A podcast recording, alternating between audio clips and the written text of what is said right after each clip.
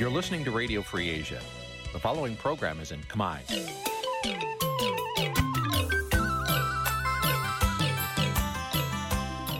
នេះជាកម្មវិធីផ្សាយ Vuthu Azizi Serai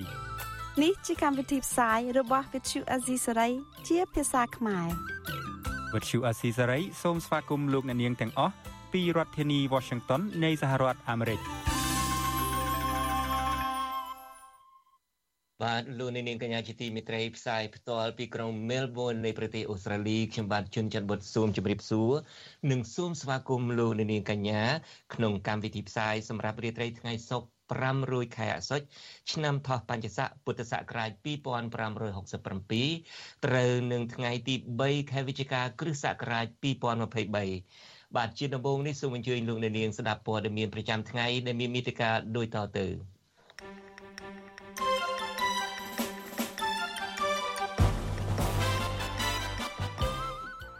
សាលាឧទ្ធរគ្រងបើកសវនាការសំណុំរឿងលោកកឹមសុខាក្រោយពន្យាពេលរាប់ខែប្រជាពលរដ្ឋត្អូញត្អែពីវិបត្តិសេដ្ឋកិច្ចដែលធ្វើឲ្យប៉ះពាល់ធ្ងន់ធ្ងរដល់ជីវភាពរបស់ពួកគេមន្ត្រីគណៈបកប្រឆាំងថាតំណាងរាស្ត្រដែលកើតចេញពីការបោះឆ្នោតមិនត្រឹមត្រូវគ្មានឆន្ទៈបម្រើពលរដ្ឋឡើយ។ ក្នុងនីតិវិទ្យាអ្នកស្ដាប់វិទ្យុអាស៊ីសេរីសម្រាប់រាត្រីថ្ងៃសុក្រនេះយើងនឹងជជែកគ្នាថាតើរដ្ឋាភិបាលរបស់លោកហ៊ុនម៉ាណែតអាចនឹងស្ដារសេដ្ឋកិច្ចឡើងវិញដោយរបៀបណារួមនឹងព័ត៌មានផ្សេងផ្សេងមួយចំនួនទៀត បាទជាបន្តទៅទៀតនេះខ្ញុំបាទជួនច័ន្ទបុតស៊ូមជូនព័ត៌មានទាំងនេះពិស្ដាបាទលោកនាងកញ្ញាជាទីមេត្រីយើងចាប់ផ្ដើមការផ្សាយនារីត្រីនេះដោយផ្ដោតទៅលើរឿងរ៉ាវក្តីក្តាមរបស់លោកកឹមសុខា បាទលោកយ៉ងច័ន្ទរារាយការណ៍ពីរដ្ឋធានី Washington មកថាអ្នកឃ្លាំមើលរិះគន់សាលាអូតូភ្នំពេញ ថាបានតម្កល់សំណុំរឿងលោកកឹមសុខា ទុកឥតបានការចិត្តទុកឥតចាត់ការចិត្ត8ខែមកហើយបើទោះបីជាមេធាវីការពីក្តីលោកកឹមសុខាបានបណ្ដឹងទាស់សាលក្រមសាលាដំបងរាជធានីភ្នំពេញកាលពីខែមិនិនារួចមកហើយក្តីបើទោះជាយ៉ាងណាអ្នកនាំពាក្យសាលាអូតូឆ្លើយតបថាមូលហេតុដែលតុលាការមិនទាន់បានលើកយកសំណុំរឿងលោកកឹមសុខាទៅបើកសវនាការនេះព្រោះសំណុំរឿងនេះមានភាពស្មុគស្មាញបាទលោកយ៉ងច័ន្ទរាពីរដ្ឋធានី Washington ក្រមមន្ត្រីការពារសិទ្ធិមនុស្សលើកឡើងថាប្រធានគណៈបកសង្គ្រោះជាតិលោកកឹមសុខាកំពុងរងភាពអយុត្តិធម៌ថែមទៀតនៅពេលតុលាការគ្រប់ជាន់ថ្នាក់តែងតែប្រើពេលវេលាវែងហួសហេតុឬក៏ផ្អឹបទុកមិនបើកសវនាការពួកគេជំរុញឲ្យសាឡាវធរភ្នំពេញគួរពន្លឿនបាក់សវនាការលើបណ្ដឹងឧទ្ធររបស់មេបកប្រឆាំងរូបនេះនាយកទទួលបន្ទុកកិច្ចការទូតទៅនៃអង្គការសិទ្ធិមនុស្សលីកាដូលោកអំសំអាតសង្កេតឃើញថា សំណុំរឿងរបស់លោកកឹមសុខាតុលាការកាត់ទោសយឺតយ៉ាវតាំងពីតុលាការជាន់ទាបមកម្លេះហើយពេលនេះតុលាការជាន់ខ្ពស់ក៏នៅតែកាត់ក្តីយឺតយ៉ាវដដែលលោកបន្តថាការអូសបន្លាយសំណុំរឿងនេះម្ដងហើយម្ដងទៀតនាំឲ្យសហគមន៍ជាតិនិងអន្តរជាតិរិះគន់លោកជំរុញទៅសាឡាវធរគួរពន្លឿននៅក្នុងការបាក់សវនាការសំណុំរឿងរបស់លោកកឹមសុខា មន្ត្រីសិទ្ធិមនុស្សរូបនេះបន្ថែមថាបើទោះបីជាលោកកឹមសុខាជាប់ឃុំនៅក្នុងផ្ទះយ៉ាងណាក៏ដោយក៏របៀបធ្វើការរបស់តុលាការបែបនេះគឺធ្វើឲ្យប៉ះពាល់ដល់សិទ្ធិនយោបាយនិងសេរីភាពរបស់លោកកឹមសុខាយ៉ាងធ្ងន់ធ្ងរ។ រឿងនេះគឺការឃុំខ្លួននៅក្នុងផ្ទះអីជាដើមនេះក៏អាចទី1ការដែលហៅទី2រឿងសិទ្ធិក្នុងការធ្វើនយោបាយក៏មិនទាន់ដឹងយ៉ាងម៉េចដែរអញ្ចឹងហើយបានថាបើសិនជាសាលាតលោកបន្លឿននីតិវិធីក្នុងការសវនាការក្នុងការសម្រេចហ្នឹងអាហ្នឹងវាជារឿងមួយល្អដែរសម្រាប់ករណីហ្នឹងណាបាទ តកតងទៅនឹងការលើកឡើងនេះវិទ្យុអាស៊ីសេរីមិនអាចតកតងសុំការបកស្រាយពីអ្នកនាំពាក្យស្លាវធោភ្នំពេញលោកខុនលៀងម៉េងនិងអ្នកនាំពាក្យក្រសួងយុតិធធលោកចិនម៉ាលីនបានទេ នៅថ្ងៃទី3ខែវិច្ឆិកាទោះជាបែបនេះក្តីអ្នកនាំពាក្យស្លាវធោភ្នំពេញលោកខុនលៀងម៉េងឲ្យសារព័ត៌មានក្នុងស្រុកដឹងថាភាពយឺតយ៉ាវលើការបើកសវនាការសំណុំរឿងរបស់លោកកឹមសុខានេះពីព្រោះសំណុំរឿងនេះមានឯកសារច្រើន និងមានភាពស្មុគស្មាញក៏ប៉ុន្តែអ្នកនាំពាក្យរូបនេះអះអាងថា សាឡាវធននឹងរៀបចំយកសំណុំរឿងនេះមកកាត់ក្តីនៅក្នុងពេលឆាប់ឆាប់ខាងមុខនេះតកតងទៅនឹងរឿងនេះប្រធានអង្គការសម្ព័ន្ធភាពការពារសិទ្ធិមនុស្សកម្ពុជាហៅកាត់ថាច្រាក់លោករស់សុថាយល់ថាការចោទប្រកាន់និងការកាត់ទោសលោកកឹមសុខាធ្វើឡើងនៅក្នុងពេលដែលប្រទេសកម្ពុជា មានទំនាស់ផ្នែកនយោបាយដូច្នេះនាំឲ្យមានការរិះគន់ថាសំណុំរឿងនេះគឺជារឿងនយោបាយលោកបន្តទៀតថាសំណុំរឿងបែបនេះប្រព័ន្ធតុលាការពិបាកនឹងផ្ដល់យុត្តិធម៌ដល់លោកកឹមសុខាណាស់ ទាំងមតិជាតិនិងតជាតិមើលឃើញថានេះការប្រយុទ្ធធរដែលមានជាការដែលមានលក្ខណៈជាប់ពាក់ព័ន្ធទៅនឹងស្ថានភាពនយោបាយហើយបើសិនជាមានឆន្ទៈឬនឹងវាលឿនទេបើសិនករណីនឹងវិការនយោបាយគឺរឿងប៉ុណ្ណឹងគឺបាទក្នុងការលែងបញ្ចប់សមត្ថកិច្ចបានចាប់ខ្លួនលោកកឹមសុខាទាំងពេលលោកកំពុងមានអភ័យឯកសិទ្ធិជាតំណាងរាស្ត្រកាលពីឆ្នាំ2017ដោយចោទប្រកាន់ពីបទសន្តិទ្ធិភាព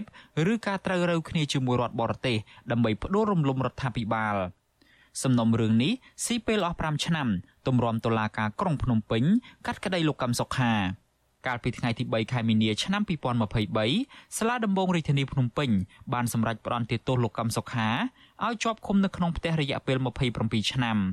បើទោះបីជាសាលក្រមតុលាការមិនទាន់ចូលជាស្ថាពរក្តីក៏ប៉ុន្តែតុលាការមួយនេះបានដាក់បំរាមមិនឲ្យលោកកឹមសុខា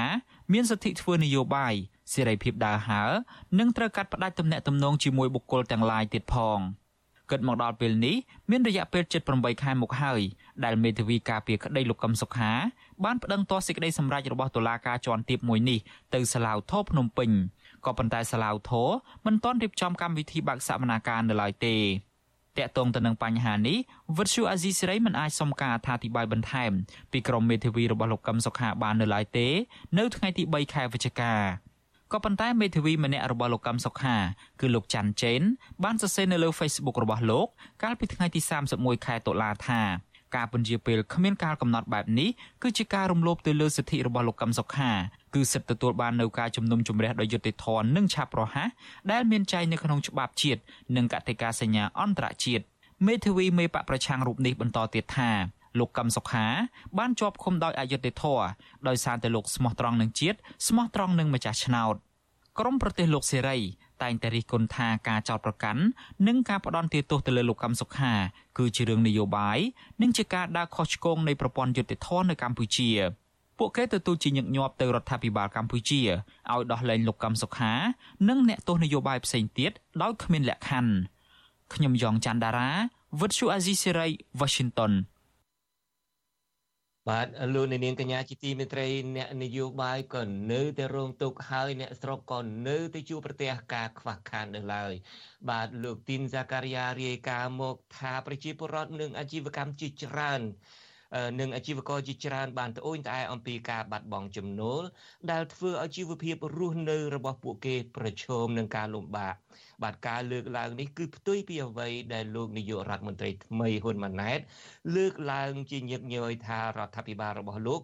បានខិតខំតាក់ទាញអ្នកវិនិយោគិនបរទេសមករកស៊ីនៅកម្ពុជា និងអួតអាងពីការរីចម្រើនផង បាទជាបន្តទៅទៀតនេះសូមអញ្ជើញលោកអ្នកនាងស្ដាប់សេចក្តីរាយការណ៍មួយរបស់លោកទីនសាការីយ៉ាដែលបានដកស្រង់មតិយោបល់ខ្លះខ្លះរបស់ប្រជាពលរដ្ឋដែលកំពុងប្រឈមនឹងជីវភាពលំបាកដោយសារវិបត្តិសេដ្ឋកិច្ចប្រជាពលរដ្ឋនិងអាជីវករមួយចំនួនត្អូញត្អែប្រហាក់ប្រហែលគ្នាថា ពួកគាត់កំពុងតែជួបការលំបាកខ្លាំងក្នុងជីវភាពដោយសារតែកម្ពុជាកំពុងតែធ្លាក់ក្នុងវិបត្តិសេដ្ឋកិច្ចដែលនាំឲ្យពួកគាត់មិនអាចរកប្រាក់ចំណូលបានដោយកាលពីមុនឡើយម្ចាស់អាជីវកម្មកន្លែងកំសាន្តក្នុងខេត្តកំពតដែលបានបើកដំណើរការអាជីវកម្មតាំងពីឆ្នាំ2015លោកតាតឧត្តមប្រាប់វិទ្យុអាស៊ីសេរីថាលោកត្រូវបង្ខំចិត្តដាក់ពាក្យសម្បត្តិដំណើរការអាជីវកម្មទៅកាន់អគារនាយកដ្ឋានពន្ធដារក្នុងពេលឆាប់ៗខាងមុខនេះដោយសារតែមិនសូវមានភ្ញៀវទេសចរ ទៅសម្រាប់ខ្ញុំខ្ញុំចូលខាតប្រហែលជា6 7ខែជាប់គ្នាវាមិនច្រើនទេជាក់ស្ដែងវាមិនច្រើនដោយសារបុគ្គលិកយើងនៅទីនេះយើងប្រហែលជា7 8នាក់ក៏ប៉ុន្តែយើងបាត់មុនហើយព្រោះថាបើសិនជាយើងនៅបន្តយើងនឹងបោះដៃបោះជើងអត់មានកន្លែងចោះចតស្រួលទេលោកតានឧត្តមបន្ថែមថាភ្ញៀវទេសចរដែលទៅលេងកំសាន្តបោះតង់នឹងស្នាក់នៅកន្លែងរបស់លោកប្រមាណជា90%គឺជាភ្ញៀវក្នុងស្រុក ហើយលោកយល់ឃើញថាមូលហេតុសំខាន់ដែលធ្វើឲ្យភ្ញៀវទេសចរលែងសូវដើរកំសាន្តគឺបណ្ដាលមកពីប្រជាពលរដ្ឋបាត់បង់ប្រាក់ចំណូលខណៈដែលរដ្ឋាភិបាលថ្មីមិនទាន់ចេញគោលនយោបាយលើកកម្ពស់អាជីវកម្មនៅក្នុងស្រុកនៅឡើយទេរដ្ឋាភិបាលគូគិតពីកម្ដៅរងតទៅជាមួយនឹងស្ដារសេដ្ឋកិច្ចឡើងវិញរដ្ឋគួរតែចេញគោលនយោបាយថ្មីជួយដល់ម្ចាស់អាជីវកម្មថ្នាក់តូចថ្នាក់មធ្យមហ្នឹងតាមរបៀបណា ព្រោះជាក់ស្ដែងមែនតើខ្ញុំអត់ទាន់ឃើញរដ្ឋាភិបាលថ្មីអាណត្តិទី7គាត់បានធ្វើអីទៅទៅជាមួយនឹងផលប្រយោជន៍ដល់អាជីវកម្មខ្នាតតូចខ្នាតមធ្យមទេតើតើនឹងវិស័យទេសចរនេះដែរអាជីវករម្នាក់ទៀតដែលលក់វត្ថុអនុស្សាវរីយ៍នៅក្នុងផ្សារធំថ្មីថ្លែងសុំមិនបញ្ចេញឈ្មោះនិងសម្លេង លើកឡើងថាលោកស្រីប្រឈមនឹងជីវភាពលំបាកពីមួយខែទៅមួយខែដោយសារតែការលក់ដូររបស់លោកស្រី មិនសូវរកចំណូលបានច្រើនដោយកាលពីមុននោះឡើយ លោកស្រីបញ្ជាក់ថាដោយសារតែមិនសូវមានភ្ញៀវទេសចរបរទេសអាជីវករនៅក្នុងផ្សារធំថ្មីភាគច្រើនតែងតែបាត់តូបមិនលក់ជាញឹកញាប់ស្រដៀងគ្នាដែរអាជីវករម្នាក់ទៀតដែលលក់អាហារក្រៀមបោះដុំលក្ខណៈគ្រួសារនៅក្រុងសៀមរាបគឺលោកស្រីរស់សុខុមបានរៀបរាប់ដែរថាដោយសារតែតាមសន្តាគារនិងម៉ាតមួយចំនួន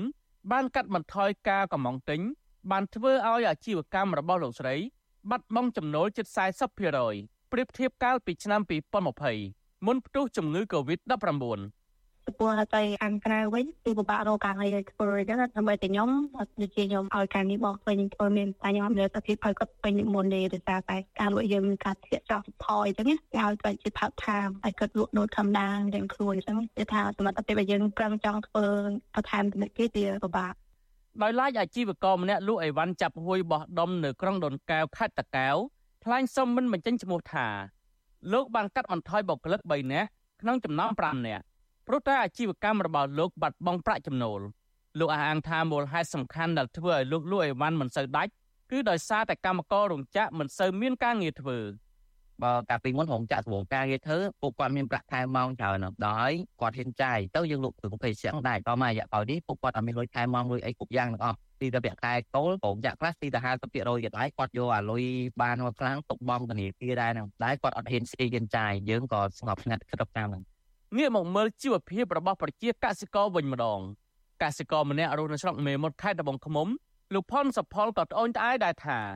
ដោយសារតែតម្លៃស្រូវចុះថោក ក្នុងពេលលោកមិនអាចរកចំណូលពីការធ្វើកម្មករសំណង់បន្ថែមបានផងនោះ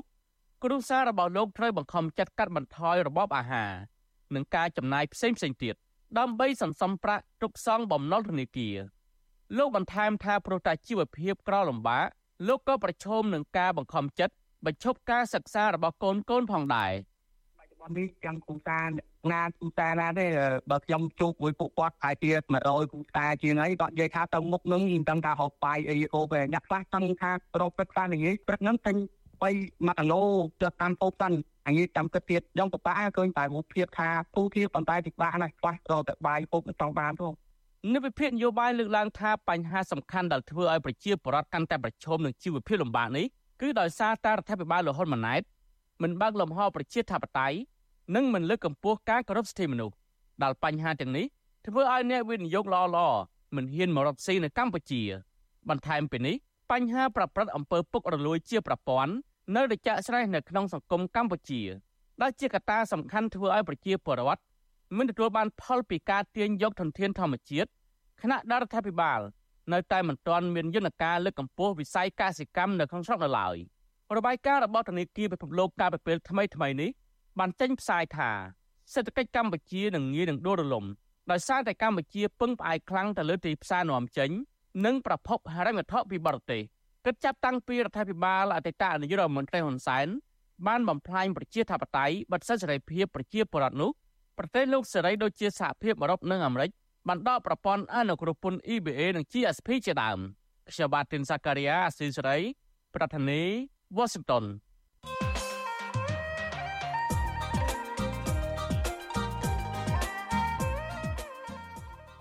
បាទលោកនាងកញ្ញាជាទីមេត្រីតកតងនឹងបញ្ហាសេដ្ឋកិច្ចនៅប្រទេសកម្ពុជានេះអ្នកជំនាញការផ្នែកសេដ្ឋកិច្ចនិងគណៈនិងអ្នកនយោបាយនៃគណៈបកប្រឆាំងអះអាងដោយដូចគ្នាថារដ្ឋាភិបាលថ្មីរបស់លោកហ៊ុនម៉ាណែតកំពុងទៅជួបវិបត្តិសេដ្ឋកិច្ចធ្ងន់ធ្ងរបញ្ហានេះបណ្ដាលឲ្យពលរដ្ឋមួយចំនួនរោគចំណូលមិនបានគ្មានលុយបង់រំលោះផ្ទះហើយត្រូវបានម្ចាស់បុរីរឹបអូសយកផ្ទះវិញជាដើមបាទនៅពេលបន្តិចទៀតនេះយើងនឹងមានអ្នកជំនាញផ្នែកសេដ្ឋកិច្ចលោកបណ្ឌិតសុកហាជនិងលោកសុនឆៃអនុប្រធានគណៈបកភ្លើងទៀនចូលរួមមកធ្វើជាវាគ្មិនកិត្តិយសដើម្បីជជែកពិភាក្សាគ្នាថាតើរដ្ឋាភិបាលថ្មីរបស់លោកហ៊ុនម៉ាណែតនឹងអាចស្ដារសេដ្ឋកិច្ចបានឡើងវិញដោយរបៀបណាហើយនឹងជជែកអំពីយុទ្ធសាស្ត្ររបស់គណៈបកភ្លើងទៀនក្នុងការចងសម្ព័ន្ធភាពជាមួយគណៈបកចំនួន3ទៀតដើម្បីអាចចូលរួមការបោះឆ្នោតនៅឆ្នាំ2024ខាងមុខនេះបាទសូមអញ្ជើញលោកអ្នកនាងរងចាំតាមដាននិងចូលរួមនីតិវិទ្យាអ្នកស្ដាប់វិទ្យុអាស៊ីសេរីដែលនឹងចាប់ផ្ដើមនាប្រមាណជា1នាទីខាងមុខនេះទៀតបាទសូមអរគុណ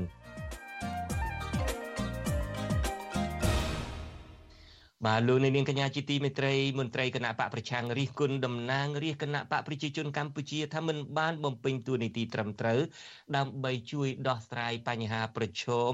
និងបើកលំហសិទ្ធិសេរីភាពជូនពលរដ្ឋគណៈបញ្ហារំលោភសិទ្ធិមនុស្សនៅតែបន្តកើតមានឡើង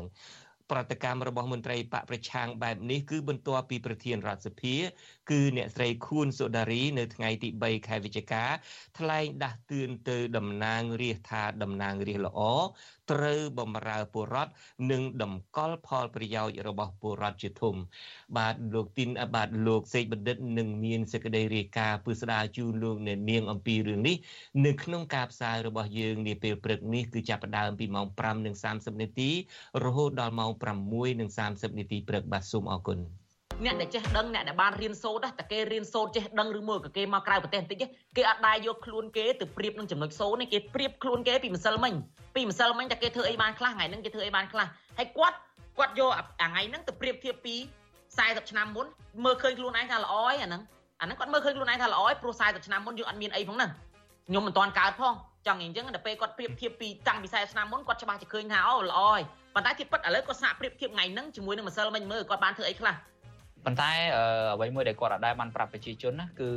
រយៈពេលជាង30ឆ្នាំហ្នឹងគឺជារយៈពេលដែលសង្ហបុរីដែលកូរ៉េខាងត្បូងអភិវឌ្ឍប្រទេសខ្លួនពីចំណុច0ពីប្រទេសដែលអត់ទាន់មានឯករាជ្យឬមួយក៏ពីប្រទេសដែលផុងខ្លួនក្នុងសង្គ្រាមស៊ីវិលពេញណាពេញណីហ្នឹងคล้ายជាប្រទេសនៀកសេដ្ឋកិច្ចមានន័យថារយៈពេល30ឆ្នាំហើយយើងបើគិតពី79មកវិញក៏វាជាង40ឆ្នាំមកហើយដែរហើយបើគិតទៅថាត្រឹមតែ កិច្ចព្រមព្រៀងក្រុងប៉ារីស23ដុល្លារ91ក៏ចូល32ឆ្នាំហើយដែរអញ្ចឹងវារយៈពេលជាង30ឆ្នាំហ្នឹងអ្វីមួយដែលគាត់មិនដែលបង្ហាញនោះគឺប្រទេសមួយចំនួនគឺអភិវឌ្ឍខ្លួនពីចំណុច0ដល់ចំណុចកំពូលនឹងឯង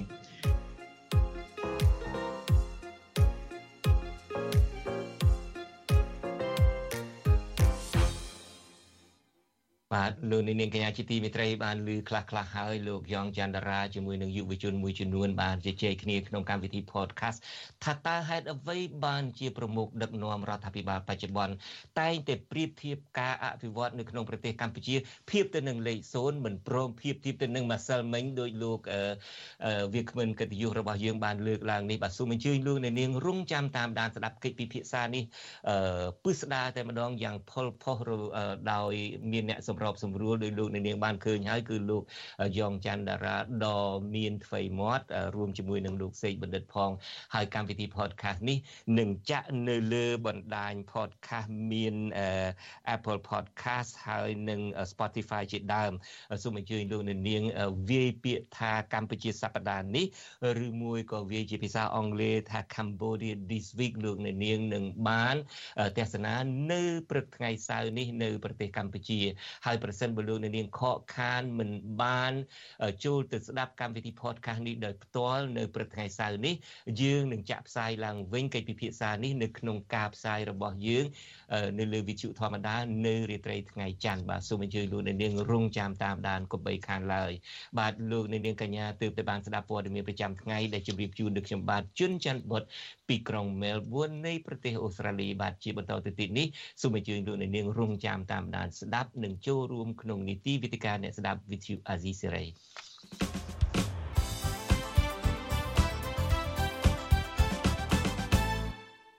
បាទជាបន្តទៅទៀតនេះគឺជានីតិវិទ្យាអ្នកស្ដាប់វិទ្យុអាស៊ីសេរី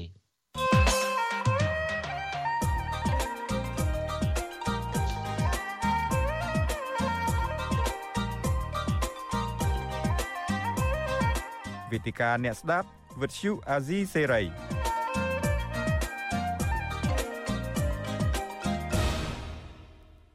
បាទលោកនាងកញ្ញាជាទីមេត្រីខ្ញុំបាទជួនច័ន្ទបុតសូមជម្រាបសួរលោកនាងកញ្ញាជាថ្មីម្ដងទៀតនិងសូមស្វាគមន៍លោកនាងកញ្ញាពីក្រុង Melbourne នៃប្រទេសអូស្ត្រាលី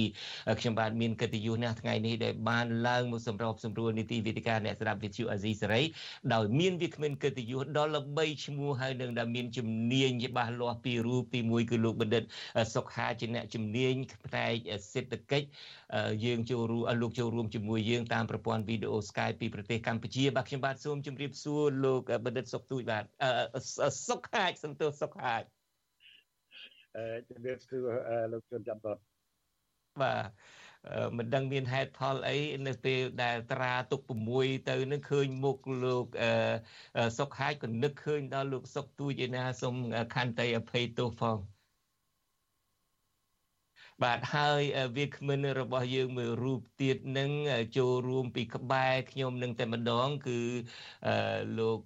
អាដាមសុនឆៃដែលជាអនុប្រធានគណៈបកភ្លើងទៀន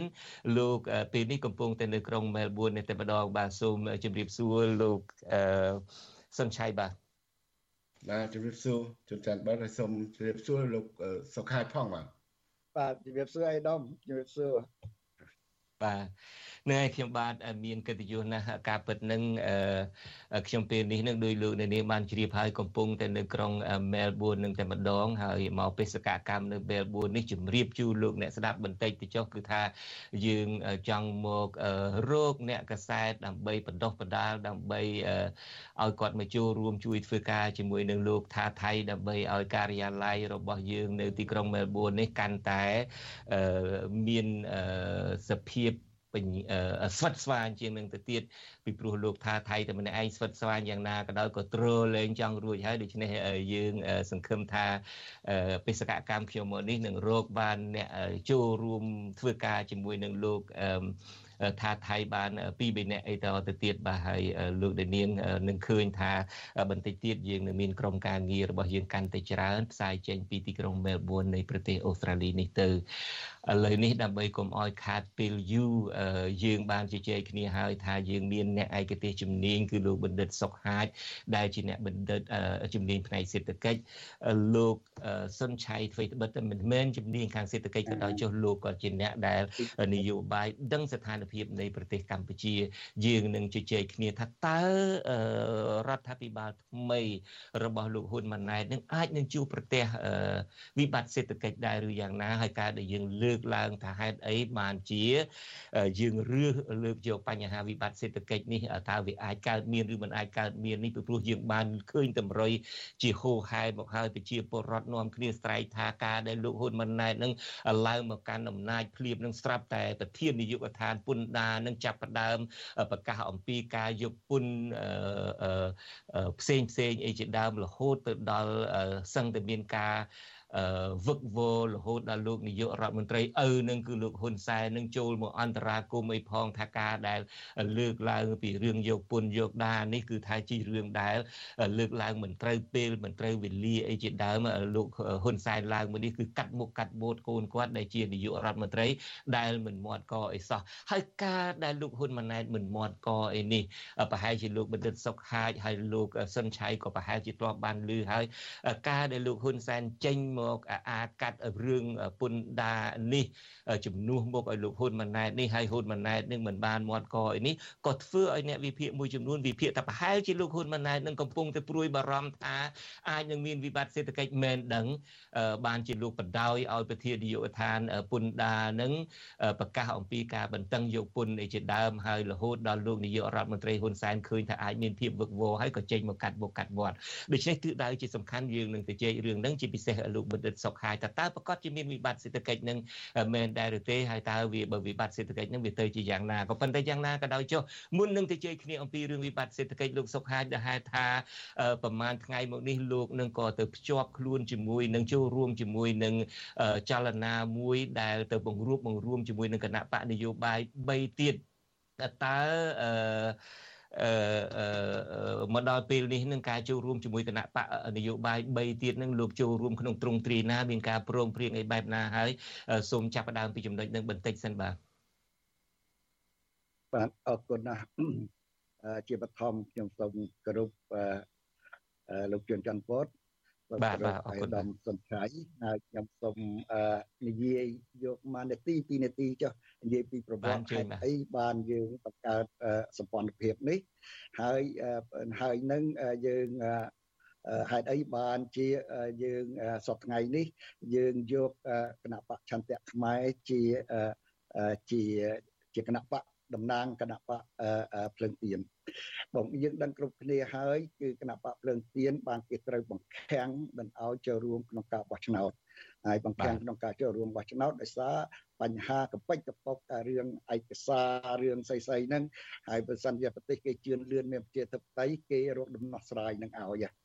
ប៉ុន្តែនៅយើងនេះយើងដូចជាប្រជាធិបតេយ្យនៅមានកម្រិតទៀបអឺ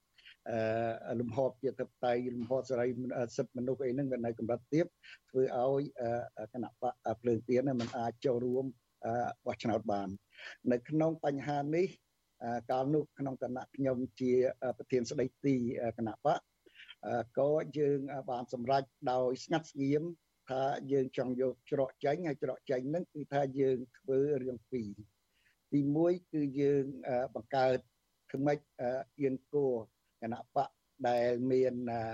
មតិយោបល់ផាក់ផែលយើងគឺបើពាក្យបច្ចេកទេសខ្លាំងទៅគឺថាមនុស្សគុំជាផាក់ផែលគ្នាគឺអ្នកចង់បានលទ្ធិប្រជាធិបតេយ្យដូចយើងដែរហើយនឹងគឺយើងបានធ្វើការជាមួយគណៈបកចន្ទៈខ្មែរគណៈបកប្រជាធិបតេយ្យមូលដ្ឋានហើយគណៈបកកែចំណាយទម្រង់គណៈបកទាំង3ហ្នឹងយើងធ្វើការជាមួយ ដោយសារគាត់មានទស្សនៈវិស័យដូចយើងនយោបាយដូចយើងហើយក៏គាត់មានគេហៅថានីតិសម្បទាក្នុងការជួយឈ្មោះបោះឆ្នោតនឹងចូលរួមបោះឆ្នោតនឹងបានទាំង3ហើយយើងដឹងបានទាំង3ប៉ុន្មួយគាត់ហាក់ដូចជាចេះតែអឹមអៀនមិនតន់បញ្ចេញហើយយើងក៏មិនតន់បញ្ចេញដោយសារវាមានបញ្ហាផ្ទាល់ខ្លួនអីមួយចំនួនណាយើងចាំថ្ងៃក្រោយយើងនិយាយល្អិតហើយដូច្នេះយើងបានបង្កើតឲ្យ4ខែក្រោយមក កូនទាំងពីរនេះខ្ញុំនិយាយទៅបានកើតកើតសឹងថ្ងៃជាមួយគ្នាអឺសម្ព័ន្ធភាពឆ្ពោះទៅមុខដែលមានគណៈបក4ហ្នឹងក៏បានកើតថ្ងៃ11ខែតុលាឆ្នាំនេះប្រហែលជាចិត្តមួយខែហើយមួយថ្ងៃក្រោយដែលកើតសម្ព័ន្ធភាពឆ្ពោះទៅមុខហ្នឹងគឺថ្ងៃ12តុលាក៏បាន គណៈបកមួយទៀតដែលយើងជាយើងបង្កើតដែរហ្នឹងគឺគណៈបកកម្លាំងជាតិហ្នឹងក៏គាត់បានកើតថ្ងៃទី12ប៉ុន្តែនៅក្នុងហ្នឹងគឺថាដោយសារយើងមានគោលការណ៍មួយចំនួនគឺថាគណៈបកភ្លើងទៀនហាក់ដូចជាម៉ែឪអញ្ចឹងយើងមានទ្រព្យសម្បត្តិយើងមានអង្គបោះឆ្នោតអឺសម្រាប់ឆ្នាំ2024គឺអង្គបោះឆ្នោតសម្រាប់ការបោះឆ្នោតព្រឹទ្ធសភាហើយនិងការបោះឆ្នោតក្រុមប្រឹក្សាស្រុកខេត្ត យើងមានជាង2000អង្គបោះឆ្នោតហ្នឹងគឺយើងនឹងត្រូវចែកឲ្យទៅកូនចៅហើយណាគោលដៅមុនដំបូងយើងឲ្យកូនទាំងពីរហ្នឹងប៉ុន្តែឥឡូវនេះគឺថាតើជំរើសទី1យើងឲ្យទៅអ្នកណាគឺថាយើងឲ្យទៅគណៈបកឆន្ទៈខ្មែរដែលរួមរស់ជាមួយយើងនៅក្នុងសម្ព័ន្ធភាពឆ្ពោះទៅមុខហ្នឹងអានឹងជាជាជំរើសទី1ជំរើសទី2ហើយជំរើសទី3នៅក្នុងករណីឧបមាទេណា ប៉ុន្តែថ្ងៃនេះខ្ញុំបានឃើញសម្បត្តិមួយមកចេញពីគោចបគេថាឲ្យគណៈបកឆន្ទៈខ្មែរនឹងអាចចូលរួមជួយឈ្មោះបោះឆ្នោតបានណាប៉ុន្តែនៅក្នុងករណីដែលមានបញ្ហាគឺយើងយកជំរើសទី2គឺគណៈបកដែលនៅក្នុងសម្ព័ន្ធភាពហើយទី3ឬក៏ទី4ហ្នឹងគឺក៏យើងត្រូវជ្រើសរើសគណៈបកដែលនៅក្នុងសម្ព័ន្ធភាពដែរដូច្នេះគឺសភាពការគឺមកដល់ឥឡូវហ្នឹងគឺយើងបានសម្រេច ជាឯកច្ឆន្ទហើយគឺថាយើងយកគណៈបកឆន្ទៈខ្មែរទៅធ្វើជាធ្វើការជំនួសគណៈបកភ្លើងទៀនពីព្រោះគណៈបកភ្លើងទៀនបានទៅជ្រក់នៅក្នុងគេថាកូនច្បងទៅចុះចំណែកឯកូនពៅយើងមិនតន់ជ្រក់ទេយើងកំពុងចរចាគ្នារោគនីតិវិធីអីដើម្បីឲ្យបានកូនទៅពៅហ្នឹងគាត់បានចូលរួមអាច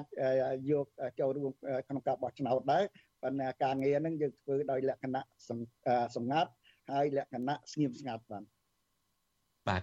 អរគុណចំពោះការបកស្រាយនេះហើយខ្ញុំការពិតនឹងដែលហេតុថានៅទីក្រុងមែលប៊នស្រាប់ទៅហើយនឹងម្សិលមិញនឹងក៏បានស្កាត់ទៅជួបឯកឧត្តមសុនឆៃដែរដើម្បីអញ្ជើញលោកដើម្បីឲ្យមកចូលរួមក្នុង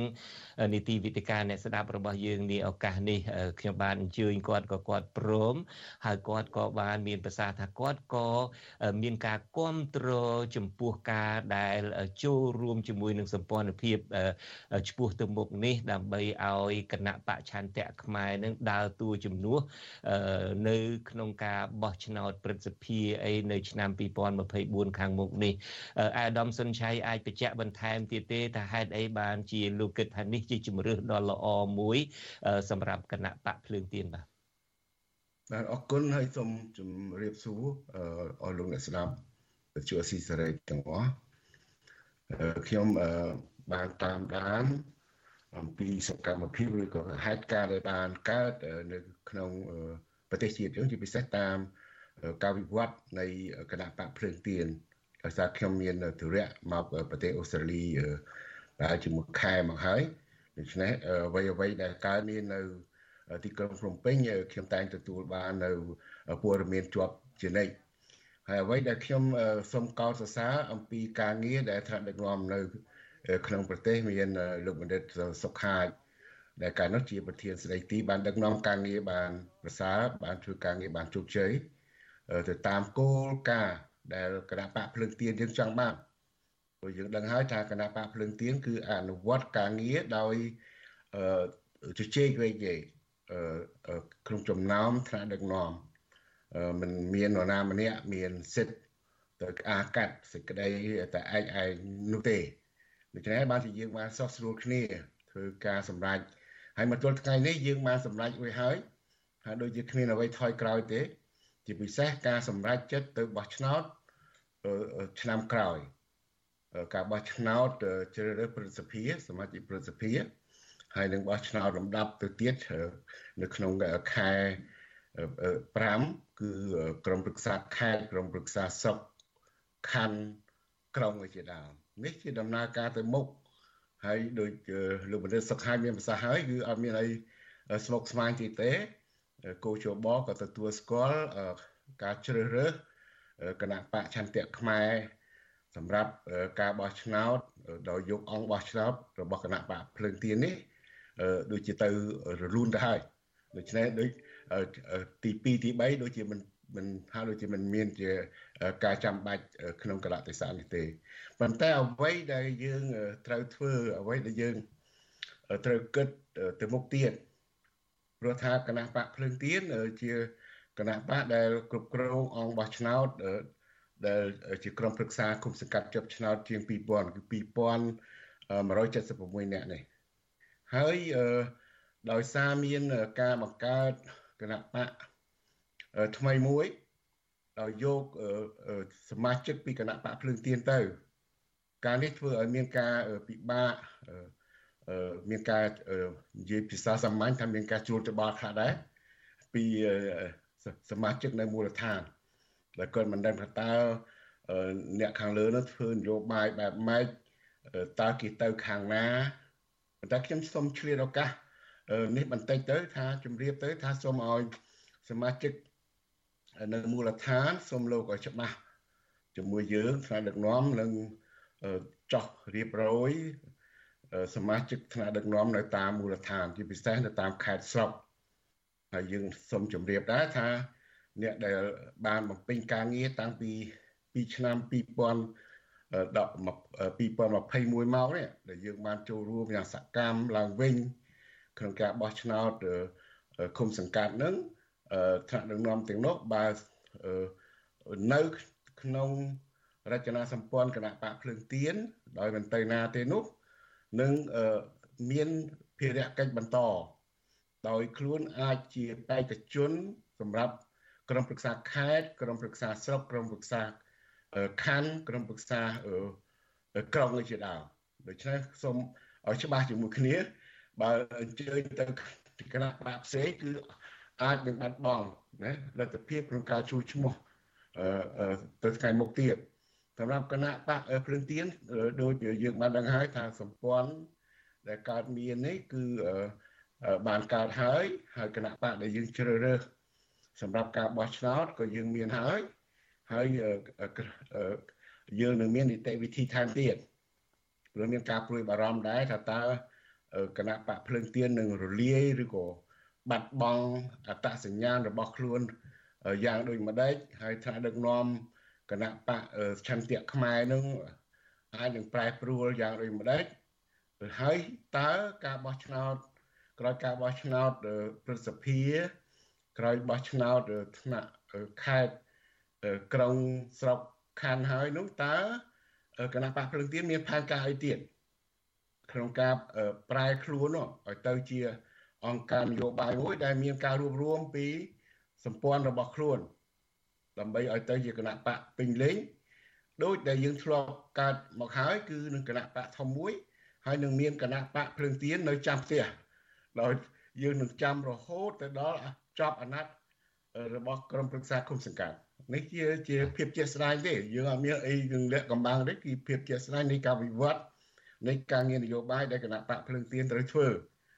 ហើយសូមជម្រាបដែរថានេះជាគោលការណ៍ហើយខ្ញុំជឿជាក់ថាបងប្អូនដែលជាសមាជិកគណៈបកភ្លឹងទៀននៅមូលដ្ឋានប្រកាសជាយល់កាន់តែច្បាស់នៅការដែលយើងបានធ្វើការពិភាក្សាផ្សព្វផ្សាយតាមវិទ្យុអាស៊ីសេរីនៅថ្ងៃនេះដើម្បីជៀសវាងកុំឲ្យបងប្អូនយើងនៅតែបន្តតាក់ទងមកថ្នាក់ដឹកនាំដើម្បីសួរបញ្ជាក់ទៅថាទៅខាងណានៅខាងណាអីជាដើមបាទបញ្ជាក់ឡើងវិញថា បងប្អូនដែលនៅបន្តជាមួយគណៈបកភ្លឹងទៀនមិនទៅណាទេនោះនឹងអាចមានលទ្ធភាពឈរជាបេក្ខជនក្រុមប្រឹក្សាខេត្តក្រុមប្រឹក្សាស្រុកខណ្ឌនិងក្រុមជាដើមបាទតាមក្រមឆ័ត្ររបស់គណៈបកឆន្ទៈខ្មែរមិនចឹងណាបាទជាការពិតយើងនឹងរៀបចំពួកគណៈបកភ្លើងជាជាអង្គការនយោបាយធំអ្នករៀបចំ ហើយគឺដែលយើងបញ្ជូនបញ្ជីទៅតាមរយៈគណៈបកឆន្ទៈខ្មែរបាទបាទ ដូច្នេះខ្ញុំយល់ច្បាស់ចំណុចហ្នឹងហើយអ្នកគ្រប់គ្រងគណៈបកនៅតាមមូលដ្ឋានហ្នឹងក៏អាចនឹងយល់ចំពោះការបកស្រាយរបស់លោកបណ្ឌិតសុកហាជហើយនឹងអាយដាមសុនឆៃដែរក៏ប៉ុន្តែទោះជាយ៉ាងណាក៏ដោយចុះលោកបណ្ឌិតហើយនឹងអាយដាម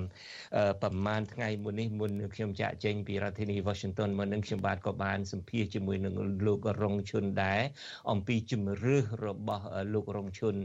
លោកទាំងពីរប្រហែលជ្រាបហើយលោករងឈុនថាបើសិនជាឲ្យគាត់ជ្រើសរើសជាលក្ខណៈបុគ្គលទេ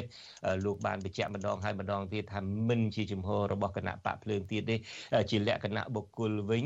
លោកមិនចូលចិត្តទៅជ្រកក្រោមផ្ទះគេក្នុងករណីថាយកគណៈបកភ្លើងទៀតនឹងទៅចូលធ្វើសម្ព័ន្ធភាពជាមួយនឹងគណៈបក3ទៀតនឹងហើយក៏ផ្ញើវាសនារបស់ខ្លួនតាមរយៈគណៈបកឆន្ទៈខ្មែរជាដើមនេះលោករងឈុនថាលោកជាជាមតិផ្ទាល់ខ្លួនរបស់លោកលោកមិនចូលចិត្តទៅជ្រកនៅផ្ទះគេទេ លោកសុខចិត្តទៅសាងសង់ផ្ទះថ្មីរបស់ខ្លួនឯងវិញដែលលោកសម្ដៅទៅគណៈបកកម្លាំងជាតិដែលទើបបង្កើតថ្មីនេះតើលោកទាំងពីរមានទស្សនៈបែបណាដែរចំពោះការលើកឡើងជាលក្ខណៈបុគ្គលរបស់លោកគ្រូរងឈុននេះខ្ញុំចង់បានចម្លើយតបយ៉ាងខ្លីពីលោកបណ្ឌិតសុកហាជបន្តមកទៀតជាមួយនឹងឯកឧត្តមសុនឆៃបាទសូមជឿលោកបណ្ឌិតសុកហាជអឺ ជំរាបសួរម្ដងទៀតអឺគណៈបកឆន្ទៈខ្មែរជាគណៈបកភ្លឹងទៀនយើងមើលអៃដាមលោកតាគុំកំគាត់បានបង្កើតគណៈបកជាតិខ្មែរជាមួយនឹងអៃដាមសំរងស៊ីកាលជំនាន់នោះតាំងពីឆ្នាំ1995ហើយគណៈបកភ្លើងទៀនចេញមកពីណាគ ណៈបកភ្លើងទៀនគឺចេញមកពីគណៈបកជាតិខ្មែរចេញពីគណៈបកជាតិខ្មែរហើយគណៈបកសំរងស៊ីរួចហើយគណៈបកភ្លើងទៀនដូច្នេះប្រវត្តិហេតុហ្នឹងហើយបានយើងយើងជ្រើសរើសដោយមិនញើតញើមថាយើងត្រូវទៅនៅជាមួយចន្ទៈខ្មែរអាហ្នឹងទី1ទី2ទៀតអ្នកស្ថាបនិកនៅក្នុងហ្នឹងក៏បងខ្ញុំនិយាយទៅអៃដាមលោកក្មួយ គង់មូនីកាគាត់ជាអគ្គលេខាធិការរួមនៅក្នុងគណៈបកភ្លើងទៀនសពថ្ងៃគាត់មិនមែនជាមនុស្សពីណាពីណីមកទេហើយគណៈបកភ្លើងទៀនគណៈបកឆន្ទៈខ្មែរនឹងទៀតក៏បានសម្រេចចិត្តថាអឺបកគលគណៈបករបស់ខ្លួននឹងឲ្យគណៈបកភ្លើងទៀនចង់ធ្វើអីធ្វើទៅហើយក៏ខ្ញុំបង្ហើបតិចទៅវាអត់តមានអីជាផ្លូវការទេ នៅពេលដែលយើងចុះឈ្មោះបោះឆ្នោតអឺ ព្រឹទ្ធសភាអីរួចរាល់ហើយបានចុះឈ្មោះហើយណាប៉ុន្តែមុននឹងធ្វើការឃោសនាយើងនឹងបញ្ជូនគ្នាយើងឲ្យទៅក្នុងគណៈបកឆន្ទៈខ្មែរហ្នឹងអាចធ្វើជាកូនសមាជអីមួយទៅ ដើម្បីបញ្ចូលគ្នាយើងទៅនោះហើយអាចប្រធានហ្នឹងអាចដូរអឺផ្សេងផ្សេងទៀតអាចដូរគឺប្រធានគឺថាយើងយកប្រធានអ្នកអិសរាជជនគណៈបកភ្លើងទៀនទៅកាន់ហ្មង ហើយដូច្នេះអត់មានឆ្លងឆ្ដុំអីទេហើយចំពោះបុគ្គលមួយចំនួនណាអិសរាជជននៅក្នុងភ្លើងទៀនមួយចំនួនគាត់មានជំរើសអានឹងជាជាជំរើសធម្មតាទេយើងម្នាក់អ្នកមានមតិផ្សេងផ្សេងទៀតហើយដូចខ្ញុំបាននិយាយមកអញ្ចឹងសម្ព័ន្ធភាពជាកូនទី1ហើយគណៈបកកម្លាំងជាតិជាកូនទី2ចំពោះខ្លួនខ្ញុំផ្ទាល់ខ្ញុំអត់មានការអីទេបើនៅថាគាត់តែថាតែអាការចែកក្របនោះ គ្នាជាង2000នាក់យើងធ្វើម៉េចលោកអៃដាមសុនឆៃក៏បានមានប្រសាសន៍មិញក្បោះក្បាយហើយហើយខ្ញុំអត់ចង់បន្ថែមលើនឹងទៀតទេបាទអរគុណ បាទអរគុណលោកបណ្ឌិតសុខហាជបកស្រាយយ៉ាងច្បាស់ជាទីបំផុតខ្ញុំបាទគ្រាន់តែសូមសង្ខេបឡើងវិញជាខ្លីលោកមានប្រសាសន៍ថាការដែលទៅចងសម្ព័ន្ធភាពជាមួយគណៈបក3ទៀតជាពិសេសការដែលផ្ញើវាសនាទៅគណៈបកឆន្ទៈខ្មែរនេះគឺគណៈបកឆន្ទៈខ្មែរនេះគឺជាគណៈបកភ្លើងទៀននឹងហើយដែលហៅថាមានប្រភពតែមួយនៅពេលដែលលោកមានប្រសាសន៍អញ្ចឹងមកក៏ស្រាប់តែមានអ្នកស្ដាប់នឹងសរសេរសំណួរមកដែរថាបើអញ្ចឹងហេតុអីក៏លោកសុកហាជគ្រប់គ្រងឲ្យទៅបង្កើតគណៈបកកម្លាំងជាតិមកពីការនោះយើងអត់ច្បាស់យើងអត់ច្បាស់ទាំងអស់ហ្មងយើងយើងគេហៅថាលេងបៀច្រើនសន្លឹកឧបមាថាសន្លឹកសម្ព័ន្ធភាពនឹងមិនដើរគេធ្វើបាបគេធ្វើស្អីស្អីទៅយើងមានបកកើតផ្ទាល់ខ្លួននឹងហើយមែនទេនិយាយត្រង់ទៅបកើតតល់ខ្លួនហ្នឹងមកក្រោយតិចហើយឥឡូវហ្នឹងគឺយើងកំពុងតែទាញ គណៈបកជាតិខ្មែរហ្នឹងសង្គមកម្លាំងខ្មែរកម្លាំងជាតិហ្នឹងឲ្យមកចូលសម្ព័ន្ធភាពប៉ុន្តែចូលបានចូលបានជាសិទ្ធិសេរីភាពរបស់អ្នកដែលបង្កើតផ្ទាល់ហ្នឹងណាអឺដូចខ្ញុំបាទអីក៏នៅបង្កើតជាបញ្យោលបង្កើតជាគំនិតបង្កើតជាអីចឹងទេអ្នកបង្កើតផ្ទាល់គេចង់ធ្វើអីផ្សេងអានឹងរឿងគេទៅចោះណាបាទ បាទអរគុណលោកបណ្ឌិតសុខហាជឥឡូវសូមយ៉ាងខ្លីពីអឺអេដាមសំឆៃមកអំពីរឿងការឆ្លើយតបទៅនឹងមតិយោបល់របស់លោកគ្រូរងឈុននេះបាទយ៉ាងខ្លីបាទបាទខ្ញុំអរគុណគាត់ដែរដែលគាត់បញ្ចេញមតិផ្ទាល់ដើម្បីបង្ហាញតើតើគាត់មានបំណងទៅខាងណាហើយជំរាបឲ្យត្រង់ខ្ញុំអត់មានដែលដឹងរឿងអំពីការព្រួយផ្ដើមបង្កើតគណៈបកអំណាចជាតិនោះទេ តែតែដឹងពេលក្រោយក្រោយដែលឮទៅបានបានសិទ្ធឬក៏ទទួលស្គាល់ពីក្រសួងមហាផ្ទៃនេះទេដូច្នេះមានប្រហែលជាមាននៅក្នុងចំណោមថាដឹកនាំគណៈបកភ្លើងទៀនមួយចំនួនដែលលោកមានអារម្មណ៍ថាគណៈបកភ្លើងទៀននឹងមិនមិនជឿនលឿនមិនមានប្រសិទ្ធភាពយ៉ាងដូចម្ដេចបានទៅនាំគ្នាទៅរួមកម្លាំងនៅក្នុងក្រមនយោបាយមួយថ្មី អានេះបើតាមខ្ញុំយល់ទេព្រោះខ្ញុំអត់បានដឹងពីការបង្កើតហើយទើបនឹងឮថ្មីថ្មីនេះទេដូច្នេះខ្ញុំថាវាជា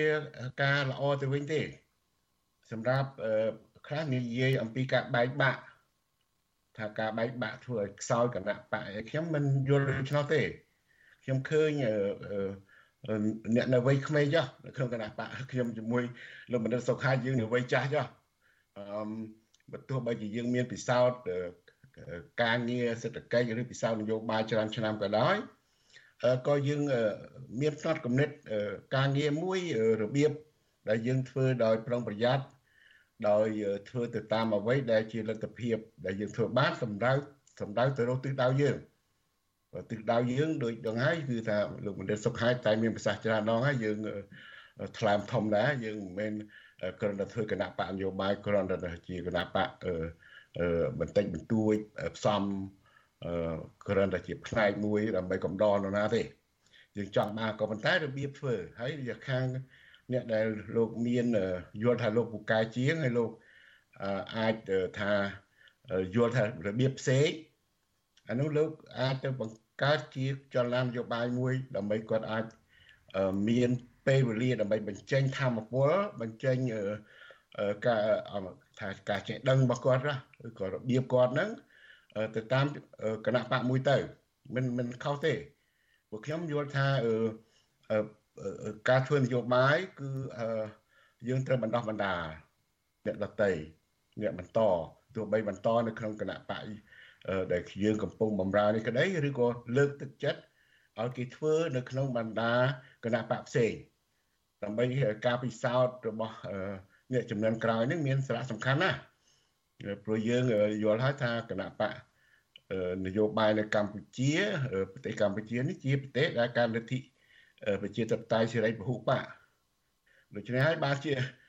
វារួមទាំងរុញទៅដល់ការគិតគូររបស់យើងក្នុងការចូលរួមបោះឆ្នោតនេះព្រោះខ្លះថៃនឹងមិនដឹងទៅបោះឆ្នោតតែព្រឹទ្ធសភាធ្វើអី យ៉ាងហើយណាបានកៅអី8 9អញ្ចឹងនៅព្រឹទ្ធសភានេះយកទៅធ្វើអីកើតប៉ុន្តែយើងយល់ថាពហុតំណាងសំខាន់ណាស់ក្នុងរបបប្រជាធិបតេយ្យហើយកាលយើងមានអំណាចពលរដ្ឋយ៉ាងហោចណាស់ក៏លោកបានទៅមានអ្នកដែលលោកអាចពឹងពាក់បានដែរករណីដែលកន្លងទៅដែលខ្ញុំធ្លាប់ធ្វើច្រើនឆ្នាំទោះបីគណៈបកដែលខ្ញុំនៅមិនដែលបានជិះឆ្នោតដឹកនាំរដ្ឋាភិបាលគ្នាខ្ញុំប្រមាណនេះក៏ប៉ុន្តែខ្ញុំពួកយើងបាន ជួយដោះស្រាយបញ្ហាពលរដ្ឋបានច្រើនក្នុងពេលដែលលោកមិនមានអ្នកណាដែលអាចពឹងពាក់បានហើយជាពិសេសទៅទៀតនៅក្នុងសហជាតិมันអាចអត់មានពិហុតំណាងបានទេព្រោះនៅទីនោះគឺជាកន្លែងដែលជាការអនុវត្តគឺជាការរៀបចំច្បាប់សំខាន់សំខាន់សម្រាប់ប្រទេសយើងមើលមើលប្រហែលឆ្នាំកន្លងទៅនេះដែលមានគណៈបកតែមួយនៅក្នុងរដ្ឋសភា ការប្រាក់នៅក្នុងព្រឹទ្ធសភាថាមានតំណាងខាងព្រះមហាក្សត្រអីខ្លះចាស់ក៏ប៉ុន្តែហាក់ដូចជានៅក្នុងការគ្រប់គ្រងរបស់គណៈបកតែមួយនោះតើបានសកម្មភាពនៃការធ្វើច្បាប់នោះវាវាផ្ដល់ផលវិបាកយ៉ាងណាខ្លះតែมันមានសម្លេងក្នុងការតតាំងកែសម្រួលពលនីតិវិធីនៃការធ្វើច្បាប់វាមានការចូលរួមដែរបើយើងនៅក្នុងស្ថាប័នជាតិហើយនៅមូលដ្ឋានដូចគ្នា យើងមិនអាចអត់មានត្រឹមតែគុំហើយអត់ស្របខណ្ឌទេព្រោះរឿងរ៉ាវដែលពលរដ្ឋត្រូវបន្តធ្វើគឺមាន តាមលំដាប់ថ្នាក់ហើយខ្ញុំជឿថានឹងមានផលប្រយោជន៍ដល់ប្រជាពលរដ្ឋហើយក៏មានប្រយោជន៍ដែលដូចដែលយើងតែងលឺហើយអ្នកប្រជាធិបតេយ្យថាតស៊ូដើម្បីឲ្យប្រជាធិបតេយ្យរស់ឡើងវិញហ្នឹងសកម្មភាពគណៈបកប្រទានគឺធ្វើបណ្ដោយស្លាប់និយាយសាមញ្ញចាស់ យើងរស់អត់ទាន់ស្លាប់ទៅណាទេគ្រាន់តែថាកុំឲ្យស្លាប់ នេះអារម្មណ៍រកវិធីរកវិធីផ្សេងផ្សេងបាទខ្ញុំបាទយល់ហើយតាមពិតនឹងមានការចង់ទៅជែកឲ្យដេញដោលច្រើនទៀតណាស់ប៉ុន្តែយ៉ាងណាក៏ដោយចុះយើងសង្ខេបការទៅជែកគ្នាអំពីរឿងជំហររបស់លោកបណ្ឌិតសុខាជំហររបស់លោកសុនឆៃក្នុងការធ្វើឲ្យភ្លើងទៀនរស់ឡើងវិញក្រោមការទៅអែបខ្លួនក្រោមការទៅចងសម្ព័ន្ធភាពជាមួយនឹងគណៈបកដែលមានឆន្ទៈដូចគ្នាគណៈបកដែលមានប្រវត្តិមានឫសគល់មកដូចគ្នាដូចជាគណៈបកឆន្ទៈខ្មែរនេះជាដើមឥឡូវនេះដែលហៅថាលោកបណ្ឌិតសុខហាជាអ្នកសេដ្ឋកិច្ចផងខ្ញុំចង់ងាកទៅជជែកពីរឿងសេដ្ឋកិច្ចបន្តិចនៅនីតិចុងក្រោយនៃការជជែករបស់យើងនេះលោកបណ្ឌិតសុខហាតើសេដ្ឋកិច្ចប្រទេសកម្ពុជា វានឹងអាចមានគ្រឹះរឹងមាំទៅដែរទេបើតាមអ្នកដែលវិភាគនានានឹងទាំងអ្នកសេដ្ឋកិច្ចក្រៅប្រទេសទាំងអ្នកនៅក្នុងប្រទេសទាំងប្រជាពលរដ្ឋសាមញ្ញធម្មតាផងមើលឃើញថាសេដ្ឋកិច្ចកម្ពុជានឹងអាចនឹងជួបប្រទះនឹងភយន្តរាយមិនខានទេដោយមាន សិចនាករមួយចំនួន មានការដែលឡើងប្រកាសពីប្រធានពន្ធដារថានឹងតម្លើងពន្ធនឹងយកពន្ធដារអី capital gain នេះជាដើមអីនឹងរហូតដល់លោកនាយករដ្ឋមន្ត្រីហ៊ុនសែននឹងចេញមកអាកាត់ជំនួសមុខនាយករដ្ឋមន្ត្រីកូននឹងផងហើយដូចខ្ញុំបានជម្រាបពីខាងដើមមុននឹងបើកការផ្សាយនេះការដែលលោកនាយករដ្ឋមន្ត្រីហ៊ុនសែនចេញមុខចេញមាត់មកកាត់មុខនាយករដ្ឋមន្ត្រីកូននឹងក៏ធ្វើឲ្យអ្នកវិភាគបរទេសមួយចំនួនប្រហែលជាលោកបណ្ឌិតសុខហើយក៏ឃើញហើយថាការដែលលោកហ៊ុនម៉ាណែតនៅស្ងាត់ស្ងៀមនឹងពីព្រោះលោកនឹងក៏កំពុងតែភ័យបារម្ភអំពីបញ្ហាសេដ្ឋកិច្ចនឹងដែរសាកមើលមើលសាកឲ្យប្រធានពន្ធដារនឹងប្រកាសនឹងសាកមើលអីចឹងទៅរួចដល់ពេលឃើញភាពច្បោកច្បល់អីចឹងទៅបាននាយករដ្ឋមន្ត្រីឪនឹងចេញមុខឯមកមកតើលោកបណ្ឌិតសុខហេតុមើលឃើញសេដ្ឋកិច្ចនឹងអាចនឹងរឹងមាំទេក្រោមអាណត្តិរដ្ឋាភិបាលថ្មីរបស់លោកហ៊ុនម៉ាណែតនេះឬមួយវានឹងអាចមានវិបត្តិបែបណាដែរលោកបណ្ឌិតសុខហេតុសូមជើញបាទអឺ ជាបឋមខ្ញុំសូមសម្ដែងការព្រួយបារម្ភខ្លាំងចំពោះសភាពការសេដ្ឋកិច្ចសប្តាហ៍វាមានភាពបារម្ភខ្លាំងតែម្ដងខ្លាំងខ្លាំងដោយសារវាមានវិបត្តិសាច់ប្រាក់គ្រប់គ្នាហ្នឹងគឺយើងឃើញយើងមិនដែលឃើញអីណាសមាគមទេសចរចាប់ស្រែក សមាគមនេះចាប់ស្រែកសមាគមនោះចាប់ស្រែកគឺសមាគមអ្នករកស៊ីណាគាត់តែងតែនៅ ខាងជួររដ្ឋាភិបាលគាត់តែងតែសម្របសម្រួលនៅអ្វីដែលរាជរដ្ឋាភិបាលគាត់ធ្វើបើឥឡូវគាត់ស្រែកស្រែកពីព្រោះគាត់មិនអាចរស់នៅសភាពនៅជាមួយសភាពការសពថ្ងៃនឹងបានទេ សូមសូមសូមកាត់ប្រសាសន៍លោកបណ្ឌិតសុខហាយទៅនេះបន្តិចវិបត្តិសាច់ប្រាក់នឹងមានន័យយ៉ាងម៉េចដែរចំពោះអ្នកដែលមិនយល់អំពីនឹងមានវិបត្តិសាច់ប្រាក់នឹងមានន័យថាយ៉ាងម៉េចទៅតែនិយាយស្រួលទៅយើងមានទ្របបានស្គាល់យើងមានដីរាប់សិបអិចតាអញ្ចឹងទៅប៉ុន្តែលុយអត់មានបរៀលទេណាលុយលុយសាច់ប្រាក់មានន័យថាមានតែទ្របប៉ុន្តែមិនអាចធ្វើយ៉ាងម៉េចឲ្យចេញជាលុយបាន មានតែហាងឆេងចោលចឹងទៅឃើញក្នុងវិស័យអចលនទ្រព្យសពថ្ងៃគេម្នាក់ម្នាក់បើសិនជាក្របថាតើខ្លួននឹងមានផ្ទះប្រមាណស្អីប្រមាណហ្នឹងគឺមហាមហាសិទ្ធិហើយប៉ុន្តែអឺម្នាក់ម្នាក់សំទុកខ្ញុំនិយាយពីអាក្រក់ទេសឹងទៅចំកហើយពីព្រោះគាត់ជពាក់គេវ៉ាន់កណាគេជពាក់គាត់គាត់ជពាក់គេណាអឺដូច្នេះហើយអាសាច់ប្រាក់ហ្នឹងវាអត់វិលវានៅអញ្ចឹងទៅផ្លោះឲ្យគ្នាពិបាក ហើយខ្ញុំឃើញថាដំណោះស្រាយរដ្ឋាភិបាលដូចគាត់អត់ធ្វើអីទេខ្ញុំថាដូចជាព្រោះខ្ញុំអត់ឃើញអីជាច្បាស់លាស់ហើយណាហើយដូច្នេះគឺវិបត្តិសាច់ប្រាក់នឹងអាចធ្វើឲ្យប្រជាសេដ្ឋកិច្ចយើងនឹងគឺមានការលំបាកខ្លាំងហើយយើងឃើញហើយឧទាហរណ៍ជាក់ស្ដែងប្រហែលខែមុននេះប្រហែលអាទិត្យមុននេះរដ្ឋាភិបាលសម្រាប់ឲ្យតម្លើងប្រាក់ខែ កម្មករពី200ទៅ204ហ្នឹងអាហ្នឹងជាបរាជ័យមួយខ្ញុំថាជាបរាជ័យអភិខាងអភិវឌ្ឍសេដ្ឋកិច្ចនិងសង្គមអឺយើងឃើញយើងនិយាយអតិផរណាផងហើយសេដ្ឋកិច្ចហ្នឹងឃើញតែឡើងឡើងឡើងសម្បើមកឡើង5.3%អតិផរណាតែ2.5%ប៉ុន្មានទេនៅមើលថ្លៃសាំងឡើងប្រមាណភាគរយណា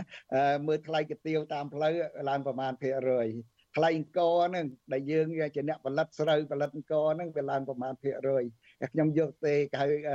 indicator ធំធំហ្នឹងបានសេចក្តីថាយើងពី200ទៅ204បានសេចក្តីកំណើនបាន2%ហ្នឹងវាអត់គ្រប់គ្រាន់ទេអានេះគឺបង្ហាញនៅភាពបរាជ័យរបស់រដ្ឋាភិបាលថ្មីខ្ញុំសឹងឲ្យហ៊ាននិយាយអញ្ចឹង